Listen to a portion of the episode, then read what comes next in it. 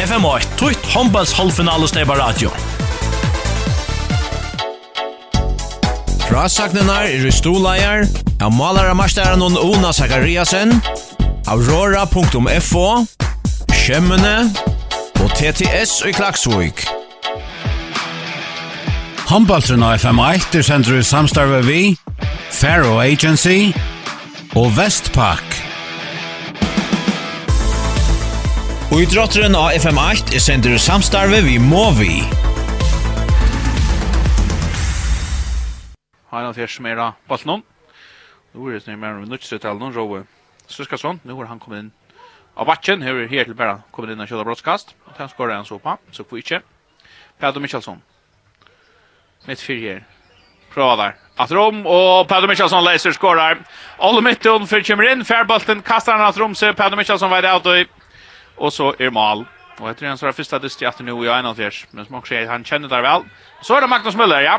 Släpper fram vi uh, Roger Syskason der. Fermink om 31, 24.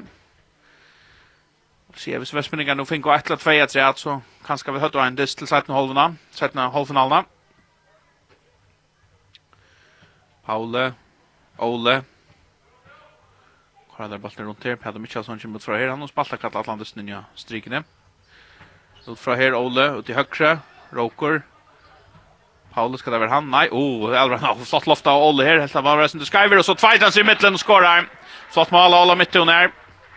Krossade sig i mittlen tvär och då har det 2 och 3, 4 och Åtta mål av Mone. Ha en halvfjers, fyra vinner greit her og i fyrre og halvfinalene. Vestmenningene køyra i vital og i allopstøv. Vi halte ikke der her så ille nekva missa, men der her var kanskje meira vinner vi har fått av målet. Alt tror sekunder kun gjetter.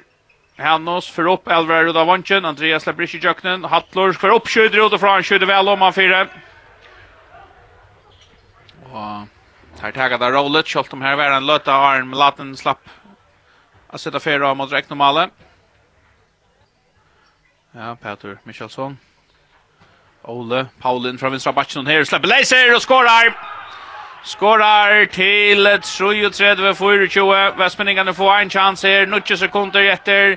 Hanus for dribblande mittfire. Og så halde han atta seg bare sjolver. Spillene strikna til etna strikje. Og så kunne han kjenda bolten og gjett. Nei, det kunne han ikke. Malevert stemt.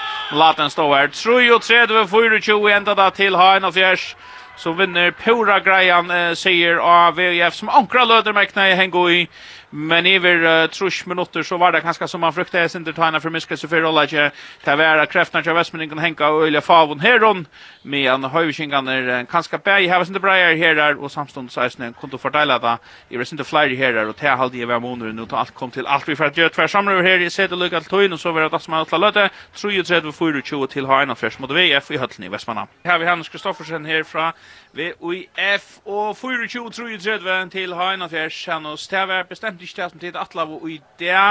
Får ble det så galt det ble vi? Åh, ja, det er godt spørsmål går. Det ble vi bestemt ikke som det atla og.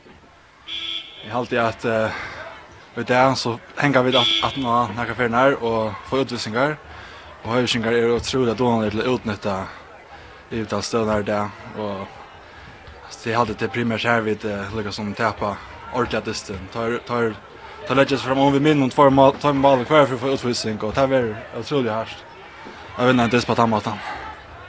Nog så tulliga viska det som om att du missar tätje först för men Du kommer lukas med syndrin natter og i distin, again, jo, for her var en liten vogn om at min kjanna halda loivu i halvfinalene.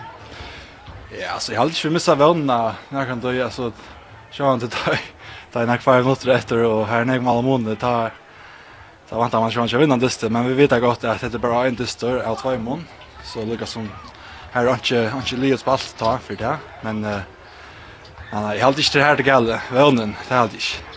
Men kvar är så Abjörnjen, är så där hukte efter någon ränning från Höjvikinken, här kommer kontra och nästan åttan Uh, eh som man säger flyr för på slä så får de mål på kontra med landa är den i orskan vänningar stövan jag tycker när de kanske det inte att det mot Löfven kan eller hur sort det Nej, det är alltid inte det vänningar stövan. Det kanske mer brötna hjälp någon. Tar det här var tar här möjlighet att uh, skifta neck ut och utan kvaliteten för neck nya så man och jag har alltid tagit hjälp neck näck i renningsnäsnet tar tar här möjlighet till det. Modric, eller her som vi kanskje er litt som er avmarskere ute i. Det er Mot enda noen, så skiter Kjolver, ta skrattnaren til helt så vist. Hvor det det, og hva tok sånn om det? Jeg vet ikke om Lusen er fjolt til kommer og omkring en stakka leikere her ute. Føler at det teka, skulle ta en halvann chans her, kanskje vidt er og kommer mot seks, og det blir det, det blir bare en her straffa i det. Det er kanskje en av grunnen til at det skrattnaren er så vanlig måte som det er gjort. Det är lucknar ting hänt i fotboll till nej i handboll till för än att man nu väntar när halvfinalen men eh är det syndrom ja. Sen att det det trycker på att i förra väntas ner. Du snackar alltid fotboll Trent. Ja, det är akkurat det, sorry. Så ja. Kan ska jag säga då får om om om vann. Vann så stoppar han. Sean det här. Vi tar vi tar vann ju hög för gör. Det gör bara att men lägga vinna några klara mål. Det är absolut inte något lätt uppgåva men vi är färdiga inför Gerard 100%. Funnits lærn, takk for Janos. Det ble vi 33-24, altså han var Hannes Kristoffersen fra VUIF. Og så er det Paolo Mytton som er her, og hva sier du? 33-24, og i Vestmannen til fyrre halvfinalen, det var godkjent. Ja, det var glimrande. Det var der vi kom her fyrre. Vi datt av at færgen til dysten, vi uh, øtlen vi døtt, og sjån det for fyrsten for å vinna, og så om vi klarer å vinna, så skulle vi ta sånn nekk plussmål vi i nasta dyst. Mm. Det kan ju öla väl, det blir öla väl, öla han klar det. Ja, jag har uh, vi det öla klarar, men jag har alltid ens att det är somma förbättringar som kan göras av varje all av någon här vid här Mlaten teker några öla stora chanser, jung distance och allt för nekvar. Så så så han där Jack väl och det finns alltid vid arbete öla väl. Eh men jag har alltid gått vi kommer från Shinmar Bursur i offensiv. Ja, jeg har jo hva sier en tverfna at jeg helt om laten var kanskje han som helt vei FA synder inni i Disney men og ta koma faktisk arbeid seg faktisk spenkelig inn i Disney som fyrir jeg lager gonger men jeg kan ikke for at det er rymlig nøkter tid du snakkar henne som at det kanskje kommer med fjolter og onketunar og onketunar spelaren som er men jeg har spyrir at følte du kunne nægande pressa her løpig som Disney? Ja, altså, Sean, det börjar det värda något som pressa men det hade tagit vi så kom upp på plus 4 så följde vi lyckas som vi gott kunde hålla sig lastarna, jag av listan och vanande bitch på. Det alltid vi jag alltid det här, följde i alla fall.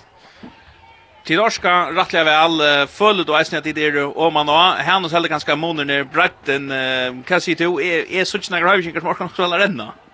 Alltså är halt alltså i det så Anna dan fall det så brukar jag fast inte bretten alltså nej. Eh och jag jag vet ju om Renny Orska jag är bättre men jag aldrig inte vi skifta så extremt det går som vi faktiskt kom till. Det är fasta som längre spelar nästan alla tog. Och, och det är inte problem tjocken ute i, i räddningen snällt.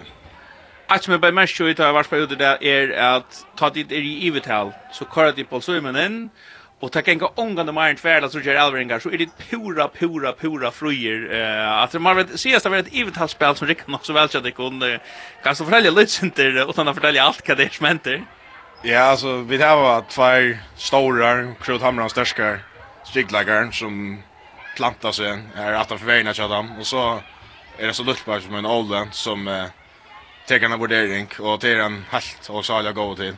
Antingen så får jag en så ska jag vurdera så två mot Ryan eller så lägger han på en strikna på en vän. Så det rikar röjliga väl.